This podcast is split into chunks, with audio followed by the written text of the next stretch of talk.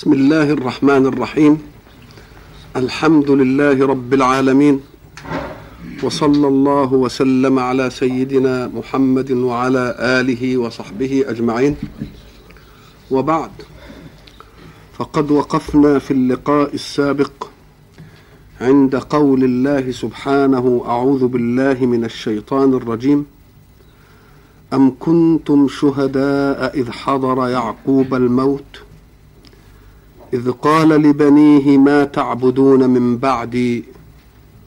قالوا نعبد إلهك وإله آبائك إبراهيم وإسماعيل وإسحاق إلها واحدا ونحن له مسلمون. واستنبطنا من الآية عدة استنباطات تحل لنا كثيرا من الإشكالات التي يثيرها خصوم الإسلام أو يثيرها القوم الذين يتعصبون لظاهر النصوص مما ورد وصح أو مما لم يصح. وقلنا إن الوصية حين يوصي بها الميت أي من حضره الموت إنما تكون خلاصة لتجاربه العقدية في الإيمان يعطيها في آخر فرصة من فرص حياته لمن يحب. تلك هي الوصية. وساعة احتضار الإنسان قلنا أن هذه الساعة هي التي يؤمن فيها الكافر ويطيع فيها الفاجر. لأنه إن كان قد فعل شيئا من الإسراف على نفسه فقد غرته دنياه وقد غرته عافيته وقد غرته صحته.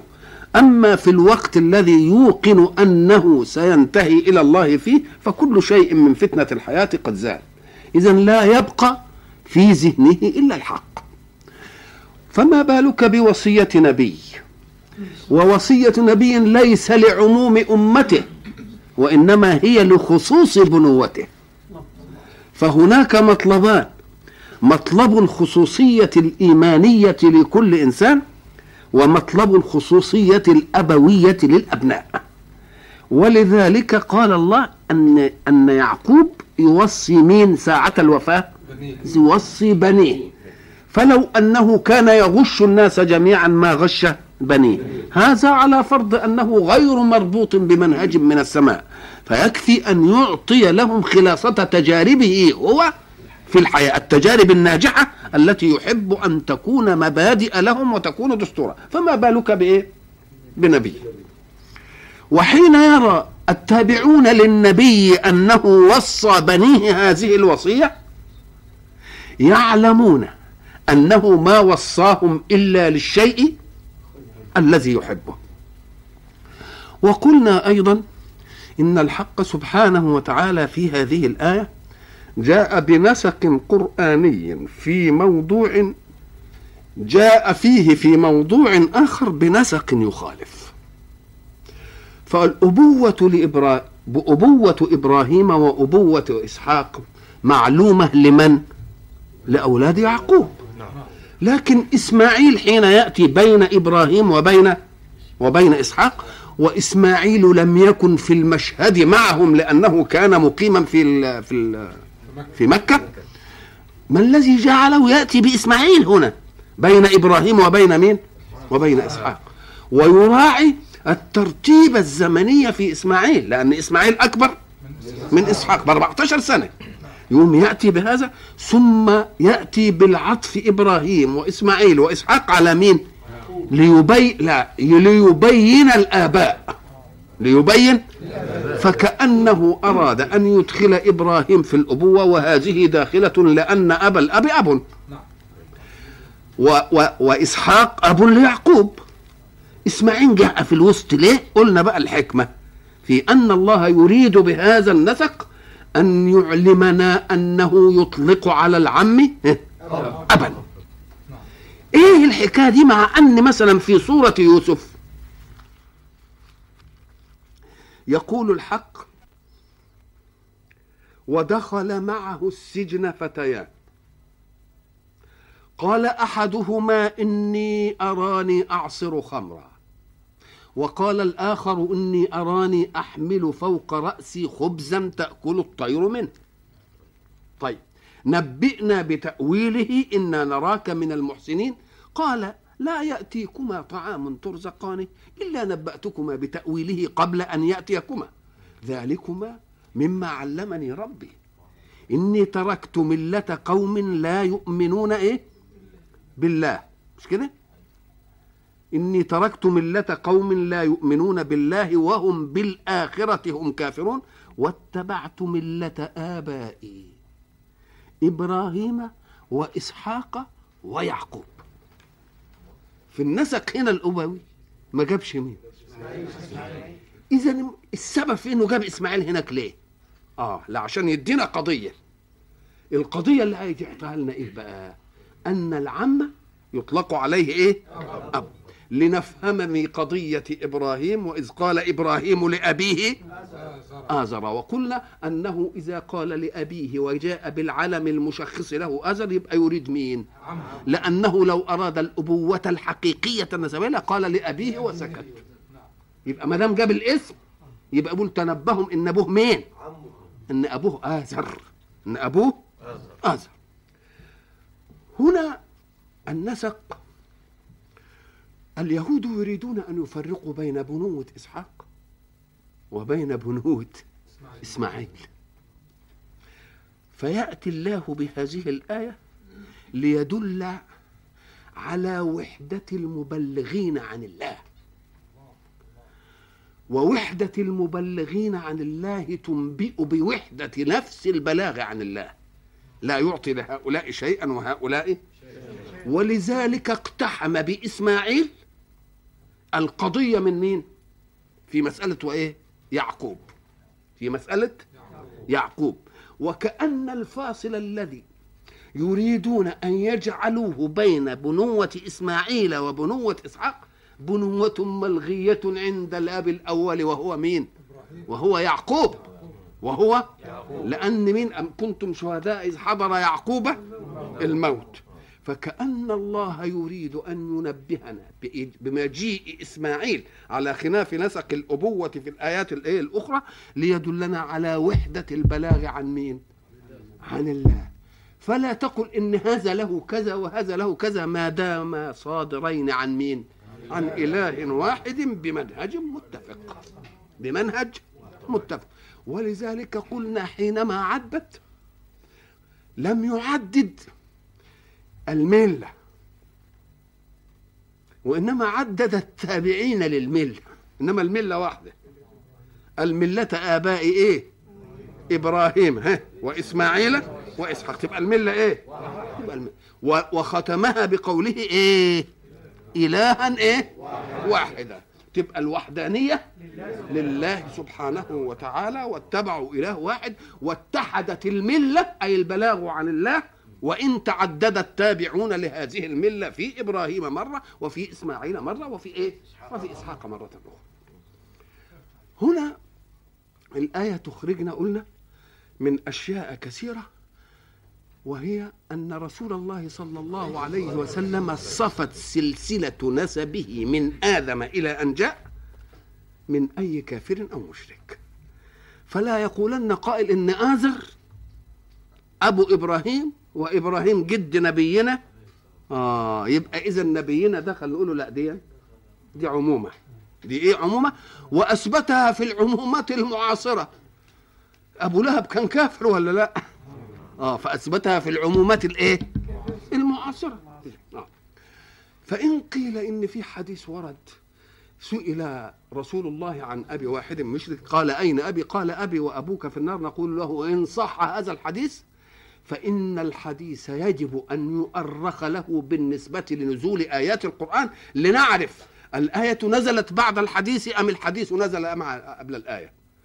فيجوز أن يكون هذا الحديث على فرض أنه حدث قبل أن ينزل عليه قوله سبحانه وما كنا معذبين حتى نبعث رسولا. وما دام ما كنا معذبين حتى نبعث رسولا يبقى أهل الفترة يبقى يبقى ناجون. يبقى إيه؟ يبقوا ناجون. أم كنتم شو طيب. ونحن له إيه؟ مسلمون. انظروا بقى إلى الآية الثانية. تلك أمة قد خلت. لها ما كسبت. لا ولكم ما كسبتم. ولا تسألون عما كانوا يعملون. تلك أمة قد خلت. إذا سمعت كلمة خلت كل المادة خلا يعني انفرد. خلا المكان من نزيله يعني إيه؟ يعني أصبح المكان لوحده والنزيل إيه؟ ذهب خلا فلان إلى فلان أي انفرد به. ولذلك هناك وإذا خلوا إلى إيه؟ شياطينهم. وإذا خلا بعضهم إلى إيه؟ يعني انفردوا بإيه؟ ببعض. يبقى معنى خلا إحنا قلنا زمان أن كل حدث لا بد له من محدث. يعني واحد يعمله. لا حدث يوجد بذاته. وكل حدث يحدث ما دام يحتاج إلى محدث اللي بنسميه الفاعل. يحتاج إلى زمان وإلى مكان. ظرف يقع فيه. وإلا أيوجد حدث بدون زمان أو مكان؟ لا يوجد. يبقى لازم في حدث الظرف الزماني أو المكاني حين يوجد فيه حدث والحدث لا بد له من فاعل يقال إن المكين في الزمان والمكين في الحدث هو الفاعل. ويصنع الإيه؟ يصنع الفعل. فإذا قلت تلك أمة خلت خلت يعني إيه بقى؟ يعني انقضى. زمانها وانفرد عن زمانكم. وانفرد مكانها عن مكانكم ولا قال لك لا المكان قد يكون هو ظرف قار. الزمان هو اللي ظرف إيه؟ متغير. زمان غير إيه؟ غير قار إنما المكان هو اللي إيه؟ القار. يبقى خلا زمانها أو مكانها؟ يبقى زمانها. يعني زمانها إيه؟ تلك أمة قد خلت يعني زمانها إيه؟ انتهى. زمانها انتهى؟ آه طيب وإيه يعني غرضه؟ انظر إلى الخطاب في الآية. تلك لو لو رجعتم إلى ما قلناه سابقا عند قوله سبحانه ألف لام ميم ذلك الكتاب لعلمنا أن تل تي اسم إشارة. زي ذا اسم إشارة للمذكر تي يبقى اسم إشارة لمن؟ للمؤنث. واللام قلنا للبعد حاجة الإيه؟ البعيدة. والكاف لمين للمخاطب. وقلنا يجب أن تفرقوا بين إيه؟ اسم إشارة وإيه؟ وخطاب. يبقى تلك فيها كم؟ تلك بقى إيه؟ فيها كم كلمة؟ ثلاث كلمات. تي اسم إشارة. واللام للإيه؟ للبعد. والكاف للمخاطب. يبقى أنا عندي مشار إليه وهي الأمة. تلك. تي تي. اللي هي الإيه؟ الأمة. والخطاب لمن؟ الخطاب لمين. للنبي والأمة الإسلام؟ ولا للمعاصرين له للي بنخاطبهم؟ قال لك آه شوف حيتع... حيتعدل الخطاب من كاف لواحد إلى ضمير الجماعة. فين أين هذا؟ تلك أمة قد خلت لها ما كسبت ما قالش ولك ولكم. يبقى شوف انتقل الخطاب من الايه؟ من المفرد إلى الجمع. إيه العله ده الكلام واحد. بقى أنا أقول لك تلك واخاطب واحدا ثم أجيب بالضمير جمعا. الملحظ إن ما قال تلك أمة فكأنها بوحدة عقيدتها ووحدة إيمانها وعدم تشققها في ذلك شيء واحد. خلاص؟ ولكن بالنسبة للمحاسبة وللسؤال كل واحد كل واحد. يبقى لازم يعدد الخطاب هناك. هنا ما دام هقول تلك أمة تبقى إيه؟ واحدة. واحدة. إن هذه أمتكم. أمة واحدة. يبقى لما يجي خطيبها بيخاطب فيها الوحدة الإيمانية. الوحدة العقدية. وتلك الإشارة لمين؟ لإبراهيم وإسماعيل وإيه؟ وإسحاق ويعقوب. ده جماعة كتير. قام قال لك لا فيه وحده عقدية يا جماعة. جماعتهم كلمة إيه؟ أمة. كلمة إيه؟ أمة. لكن في قوله لها ما كسبتم جاء شيء آخر هو الجزاء على الفعل. والأمة واحدة إيمانيا وعقديا ولكنها في الأفعال كل واحد إيه؟ فعله يبقى لازم يجي يجي خطاب الجماعة ولا لأ؟ يبقى لازم يجي خطاب؟ الجماعة. خطاب الجماعة تبقى تلك أمة ها؟ قد خلت لها ما كسبت ولكم ما كسبتم آه. ولكم ما كسبتم إيه هي أمة الأمة قلنا سابقا أنها تطلق على معان متعددة وإطلاق اللفظ الواحد على معان متعددة متروك إلى فطنة السامع إذا كانت ملكته عربية بحيث يرجع كل لفظ إلى المعنى المراد منه. بذكائه. يبقى ساعة يخاطب الحق سبحانه وتعالى بكلمة أمة يقول الأمة دي هتستعمل استعمالات إيه؟ متعددة. لكن السياق هو الذي يحدد لكل موضع معناه. لكل موضع. فهنا لما إذا قال تلك أمة قد خلت. تلك أمة أي جماعة على دين. مش كده؟ هذه تبقى أمة أطلقت على الإيه؟ الجماعة. طيب وإذا قال الله إن إبراهيم كان أمة. إن إبراهيم كان أمة. آه. نقول له معنى الأمة ما دام الجماعة. تبقى فيها مواهب متعددة متكاملة.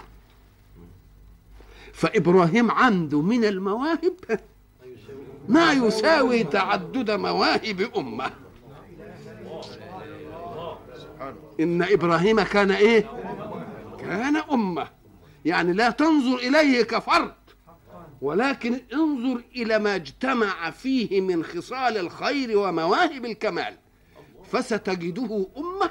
بحيث يستطيع أن يستغني كوحدة بكل المواهب يبقى أدي إيه؟ وبرضه جيت كلمة جماعة ولا لا؟ لأن أمة يعني اجتمع فيه إيه؟ طب ما هي هي برضه ولا لا؟ طيب وادكر بعد أمة. مش كده. يعني افتكر أو تذكر بعد أمة. أهي أمة هي فترة من الزمان. أمة هنا يعني إيه؟ فترة من الزمان. مش وادكر بعد إيه؟ امه طيب لما نيجي نقول أمة محمد صلى الله عليه وسلم أمة عيسى امه يبقى التابعون له ولا لا؟ يبقى اذا أمة تطلق على عدة إيه؟ المعنى الذي يراد هنا إيه؟ جماعة إيمانية. جماعة إيمانية. إيمانية. تلك أمة قد خلت. وايه يعني قد خلت؟ إياكم أن تنسبوا أنفسكم إليهم نسبا كاذبا. ليه؟ لأن النسب الدموي أو النسب الجنسي أو النسب الترابي أو الانتماء لأي شيء غير الدين ولا علاقة له لن ينفعكم أن تكونوا من سلالة إبراهيم ولا من سلالة إسماعيل ولا من سلالة إيه؟ إسحاق ولا من سلالة يعقوب. تلك أمة قد خلت لها ما كسبت فلن يتعدى ما اكتسبوا كسبوه إليكم. يبقى إذا الدين وإن أعطى فكرة الوحدة العقدية إلا أنه عمل إيه؟ الذاتية السلوكية. الذاتية السلوكية. الذاتية السلوكية دي يبقى كل واحد إيه؟ يبقى كل واحد ولا أدي معنى ولا تزر إيه؟ وازرة وزر أخرى. لها ما كسبت. إحنا قلنا لما تيجي كسب لما قلنا إذا رأيت كسب فاعلم أنها دائما تؤخذ في عمل الخير. واكتسب تبقى تؤخذ في الإيه؟ الشر. ليه؟ قال لك لأن اصطياد الشر بالعمل ده افتعال. لأن العاقل ما كان يصح له أن يذهب إلى الإيه؟ فإذا قال من كسب سيئة بلى من كسب سيئة نقول له ما هو المصيبة؟ أنه اعتبرها كسبا. ليته ذهب إليها واعتبرها اكتسابا. إنما هو فرح بقى على أنها إيه؟ يبقى آدي غلط كمان من الأخطاء بتاعه. غلطه أنه عصي والغلط الآخر أنه فهم أنه إيه؟ أنه كسب. أنه إيه؟ كسب. بل الحق سبحانه وتعالى بيقول لا تتمسحوا في الأنساب. ولذلك رسول الله صلى الله عليه وسلم حينما يقول لقريش وهم قبيلته وعصبته يقول لا يأتيني الناس بأعمالكم وتأتوني بأنسابكم. لا يأتيني الناس بإيه؟ بأعمالهم. وأنتم تقولوا بإيه؟ بأنسابكم. لا ما في شيء. لا تزر وازرة إيه؟ وزر إيه؟ وزر دي بقى في العملية العقدية. فلا يصطدم. ذلك النص في لها ما كسبت ولكم ما إيه؟ ما كسبتم. لا يصطدم بمعنى آخر ورد في القرآن. ولذلك اليقظة يجب أن تتنبه إلى كل ما في آيات القرآن حتى تعرف الآية دي تتعارض ولا ما تتعارضش. لها وجه أن تلتقي ولا ليس لها وجه إيه؟ أن تلتقي. عشان ما تحررش المعنى ثم تأتي ايات فتهدم لك هذا الإيه؟ المعنى. الآية الثانية. اللي بتقول إيه؟ عند قول الحق سبحانه وتعالى في إيه؟ والذين آمنوا. طيب آمنوا ها. واتبعتهم ذريتهم بإيمان. مم. ويا بقى والذين إيه؟ آمنوا. واتبعتهم ذريتهم بإيمان. مالهم؟ خبر إيه؟ ألحقنا بهم ذريتهم. ألحقنا بمين؟ بالذين طب ما هم أبنائهم مؤمنين. مش أبنائهم واتبعتم ذريتهم بإيمان؟ طب كلمة الإلحاق إنما تتأتى لتلحق ناقصا بكامل. ما أنت هتلحق ده بده إزاي؟ إذا كانوا الاثنين مؤمنين. تبقى بتلحق حد ليه بالتاني؟ ما تلحقش حد بالتاني لأنه كل واحد إيه؟ كل واحد مؤمن في ذاته. كل واحد. الإيمان شيء. وبعد ذلك العمل بمقتضى الإيمان شيء آخر. العمل بمقتضى الإيمان واحد يطبق العمل بمقتضى الإيمان وواحد إيه؟ يأثر شوية. فيريد الله رحمة بالآباء أن ذريتهم الذين يتبعونهم في الإيمان يبقى لازم يكونوا مؤمنين أولا. إذا غير المؤمنين مبعدين. غير المؤمنين؟ ما لهمش دعوة بآبائهم يبقى ما تزرش وزرة وزر أخرى ولا أي حاجة. انتهت المسألة. انقطعت الإيه؟ انقطعت الإيه؟ الصلة. لكن إذا كان الآباء لهم أعمال كثيرة كويسة وبعدين الآباء لهم إيمان وبعدين أعمالهم أقل من مين؟ من العمل. لا ينزل الله الذرية وهم الأبناء في الجنة منزلة إلا أن يكونوا مع آبائهم. لأن الإيمان إيه؟ واحد موجود. ولذلك تاخدها من الآية إزاي والذين آمنوا واتبعتهم ذريتهم بإيمان. ألحقنا بهم ذريتهم. وما دام ألحقنا يبقى أكن الآباء لا الآباء عملهم أكتر. والأبناء مش هتلحق. وما ألتناهم من عملهم من شيء. اذا كلمة عمل جت هنا ما ألتناهم يعني إيه؟ ما أنقصناهم من عملهم من شيء. ليه؟ لأن واحد يقول لك هو يأخذ ال- الآباء والأبناء بإيمانهم. خلاص انتهت المسألة. وبعد ذلك يأتي بع- في عمل الآباء ويضمه إلى عمل الأبناء. ثم يأخذ المتوسط ليوزع المنزله على مجموع العملين. نقول له لا وما أنقصناهم من عملهم من شيء. ادي التفضل. التفضل جاي إزاي؟ التفضل جاي في إيه؟ في إننا سنلحق الأبناء الذين قصرت أعمالهم عن آبائهم بآبائهم. ومش بأخذ متوسط لا.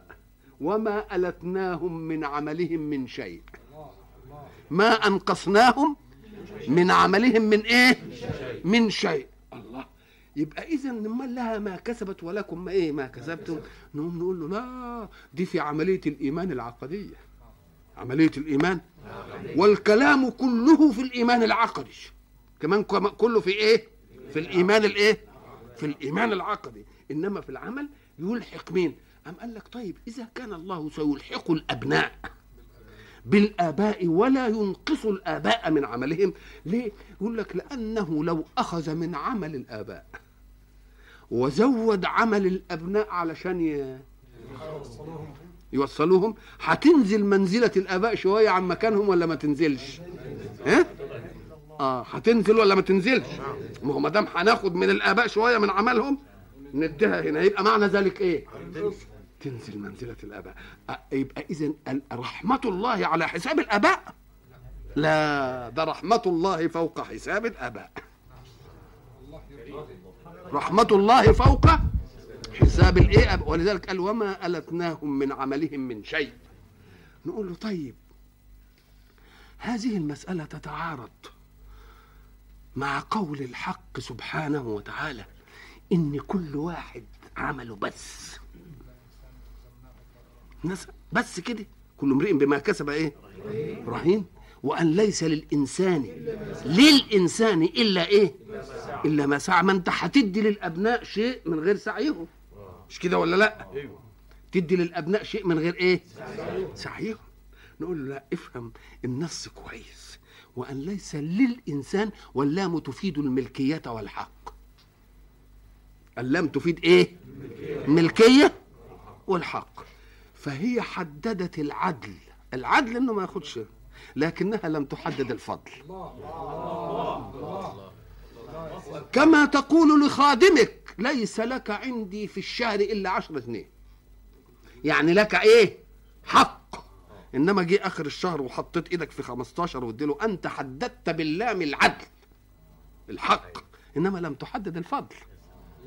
فكأن الآية هنا حددت إيه؟ العدل ولم تحدد الفضل. ومن قال إن ده مش هيبقى من من سعي. ليه؟ قال لك لماذا لا تجعلوا إلحاق الأبناء بآبائهم في المنزلة العالية لآبائهم خلاص؟ ورفعهم ده تكريمه لعمل الآباء. يبقى أنا ما بوديش علشان أكرم الولد أنا بوديه عشان أكرم الوالد. تبقى لمصلحة مين؟ لمصلحه الإيه؟ الآباء. ولذلك كان العلماء يعني يضعون شيئا يؤدي مثل هذا المعنى. قالوا إن ولدا كان أبوه مسرفا على نفسه. فلما مات أبوه الذي أسرف على نفسه حزن عليه ابنه لأنه خايف على ثم رأى رؤيا هذه الرؤيا أن أباه جالس في, الف... في الف... فوق راسه كده في الجو دون السماء وقاعد كده ومعاه حور عين. واحدة من الحور العين القعدة وياه تؤنسه وقاعدة وياه يعني كده. أم تعجب كيف يجازى أبوه وكان مسرفا على نفسه؟ بالمسألة دي ده ما يعني عمله اللي, شيء اللي كان الذي كان يعلمه له ما يوديش هذه المنزلة. فسأله قال له يا أبي كيف صرت إلى هذه المنزلة؟ قال وأي منزلة هي؟ قال كيف تكون معك؟ واحدة جميلة كده قال له أنت فاهم إنها جاية تنعم لي؟ قال له آه قال له لا ده أنا جاي عقوبة ليه؟ أنا عقوبة إيه؟ أنا عقوبة ليه؟ ما أناش جاي ما. آه. إذا فقول الحق سبحانه وتعالى تلك أمة قد خلت لها ما كسبت ولكم ما كسبتم لأن الكلام كله يدور حول الإيه؟ حول العقيدة. حول إيه العقيدة وإذا ما أردت أن تحدد ذلك في قوله وأن ليس للإنسان إلا ما سعى قل له ليس له عدلا. ولكن ذلك لا يمنع الفضل من الله. والفضل من الله عند المؤمنين بالله هو الملاذ الذي يلجأ إليه كل مؤمن بالله. ولذلك قال الله في آية أخرى قل بفضل الله وبرحمته فبذلك فليفرحوا. هو خير مما يجمعون أي من أعمال. آه أنت ما تفرحش انك بتجمع عمل. لا الذي يفرح هو إيه؟ قل بفضل الله وبرحمته فبذلك إيه؟ يبقى اذا الفرح مش يبقاش بالعمل ده أنت هتفرح بإيه؟ تفرح بفضل الله. و و و وأيضا فإن مثلا يجي واحد يقول لك طيب الصلاة التي نصليها على موتانا ما المقصود الشرعي منها بنصلي ليه عليهم إن كانت تفيد فستفيده فائدة زيادة عن عمله وإن ما كانتش هتدي له حاجة أكتر من عمله تبقى فايدتها إيه؟ تبقى بتعمل إيه دي؟ تلهاش لكن الشرع كلفنا بها يبقى لازم لها عمل ولا لأ؟ نقول له أنت فاهم إن الصلاة على الميت ليست من عمله؟ ده داخل عمله. لأنك هل تصلي على كافر؟ أنت صليت على إيمان. والإيمان من عمله ولا لا؟ فإيمانه هو الذي جاء بك لتصلي عليه. يبقى ده من عمله ولا مش من عمله؟ نعم نعم يبقى ده من إيه؟ يبقى ده من عمله. الذي تدعو له مثلا بالخير لأنه علمك مسألة من المسائل ويستجيب الله دعاءك له بالخير وبالرحمة وبالمغفرة وبالرضوان. أيقال أنه أخذ غير عمله؟ دعاؤك له من عمله لأنك لا تدعو له إلا إن أثر في حياتك تاثيرا طيبا خيرا. وإلا فهل تدعو لإنسان أخذ بيدك إلى خمره هل تدعو تدعو لإنسان أخذ بيدك إلى فاحشة أو إلى منكر؟ ولا تفر من ذكره؟ أنت لا تدعو بالخير والرحمة إلا لمن إيه؟ لمن أعطاك شيئا من ثمار الخير. فحين تدعو له ويستجيب الله دعاءك له يبقى من عمله ولا مش من عمله؟ يبقى أيضا من عمله. تلك أمة قد خلت لها ما كسبت ولكم ما كسبتم ولا تسألون عما كانوا يعملون. شوف شوف شوف عظمة الرب. شوف عظمة الإله. طب بالله هو الكلام للمعاصرين دي. في الأمة اللي خلت من إبراهيم وإسماعيل وإسحاق ويعقوب. يبقى دول هم اللي هيسألهم ولا ولا؟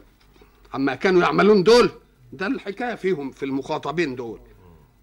الحكاية في المخاطبين دول. تبقى ولا تسألون عما كانوا إيه؟ عما كانوا يعملون. طب وهل ما كانوا يعملونه في الأمة التي خلت مما يسأل عنه؟ كله إيمان. كله إيمان وكله إيه؟ وكله وكله خير. يبقى إذا إن كانوا بيقولوا ده هيجي بقى يقولوا إن إبراهيم كان يهودي وكان نصراني يقول لهم والله مالكوش دعوة أنتم مش هتسألوا عن إيه؟ عن عملهم. خليكم ارتاحوا أنتم. بس إنجم بأنفسكم. ما ما ما تبقوش للي هناك. أنتوا مش فالحين لسه في روحكم. مش فالحين في روحكم. نعم. ولا تسألون عما كانوا إيه؟ عما كانوا يعملون. وقالوا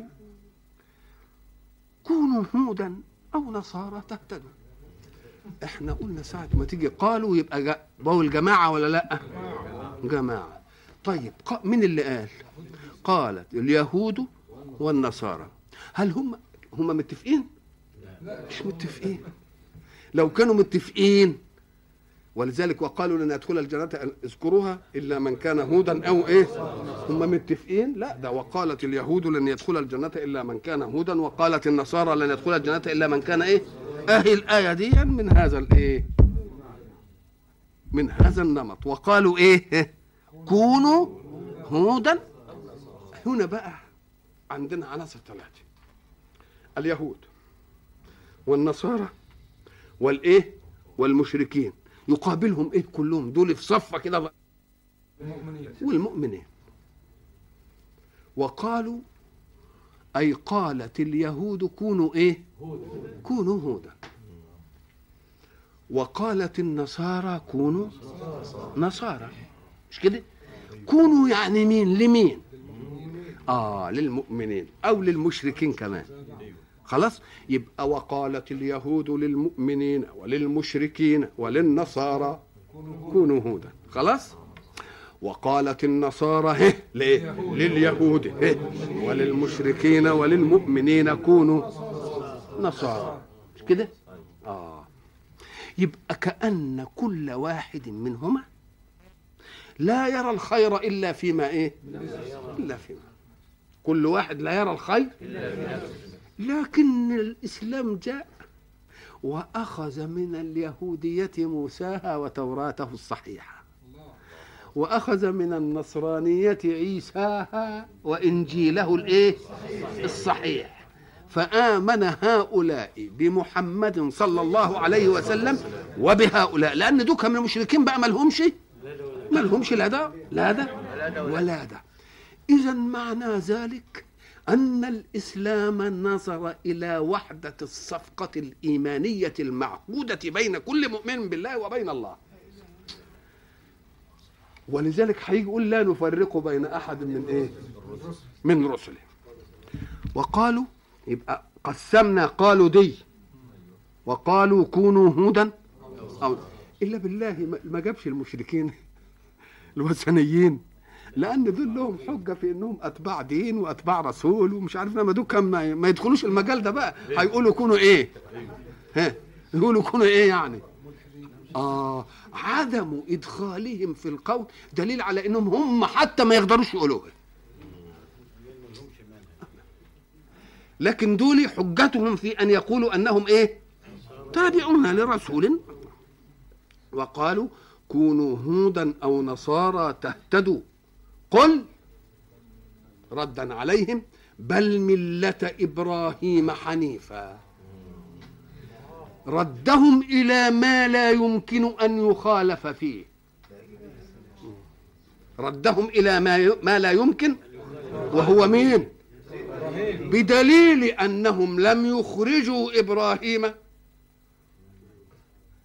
بل قالوا إن ده إبراهيم كان لا كان يهودي اذا فهم ما نفوش. فقال لهم بل ملة. اذا فجاء لهم بالقدر المشترك قبل أن يجيء التوزيع في إسماعيل. والتوزيع في من؟ في إسحاق. وردهم إلى من؟ إلى الأمر المتفق عليه في إيه؟ في إبراهيم. بل ملة إبراهيم حنيفا حنيفا يعني إيه؟ نسمع كلمة حنيف وإحنا قلنا إن الاشتقاقات اللفظية لازم لها علاقة بين المعنى اللغوي والمعنى الذي استعملت فيه شرعيا. والمعنى الذي استعملت فيه شرعيا. الحنف ميل في الرجلين تميل الرجل إلى الرجل. يعني الرجلين الأصول يبقوا كده مستقيمين كده. لا تقوم تلاقيهم عاملين مقوسين شوية كده ومايلين. يعني اليمين ميل إلى الإيه؟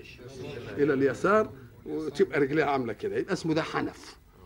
يبقى الحنف اعوجاج في إيه؟ في الرجل بحيث إن دي ما تاخدش مجراها لمستقيم الطوالي ودي مش ما تاخدش مجراها لإيه؟ مستقيم الطوالي. طب كيف يأتي بالعوج ده؟ ويجعله هو رمز ال- الصراط المستقيم.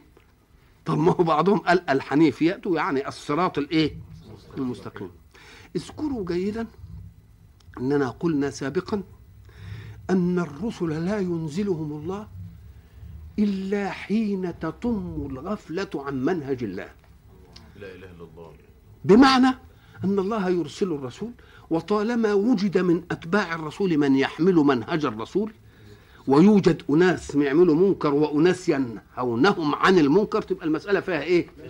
فيها خير. وإحنا قلنا إن العملية في النفس البشرية لونين لون ذاتي في النفس بمعنى أن الإنسان يصنع شرا مرة ثم يأتي من داخل نفسه ما يؤنبه على ذلك. يبقى فيه وحدة. وحدة إيه؟ إن جاءت بمنكر ساعة يجيء منها معروف إيه؟ ولذلك دي اللي بنسميها النفس اللي إيه اللوامه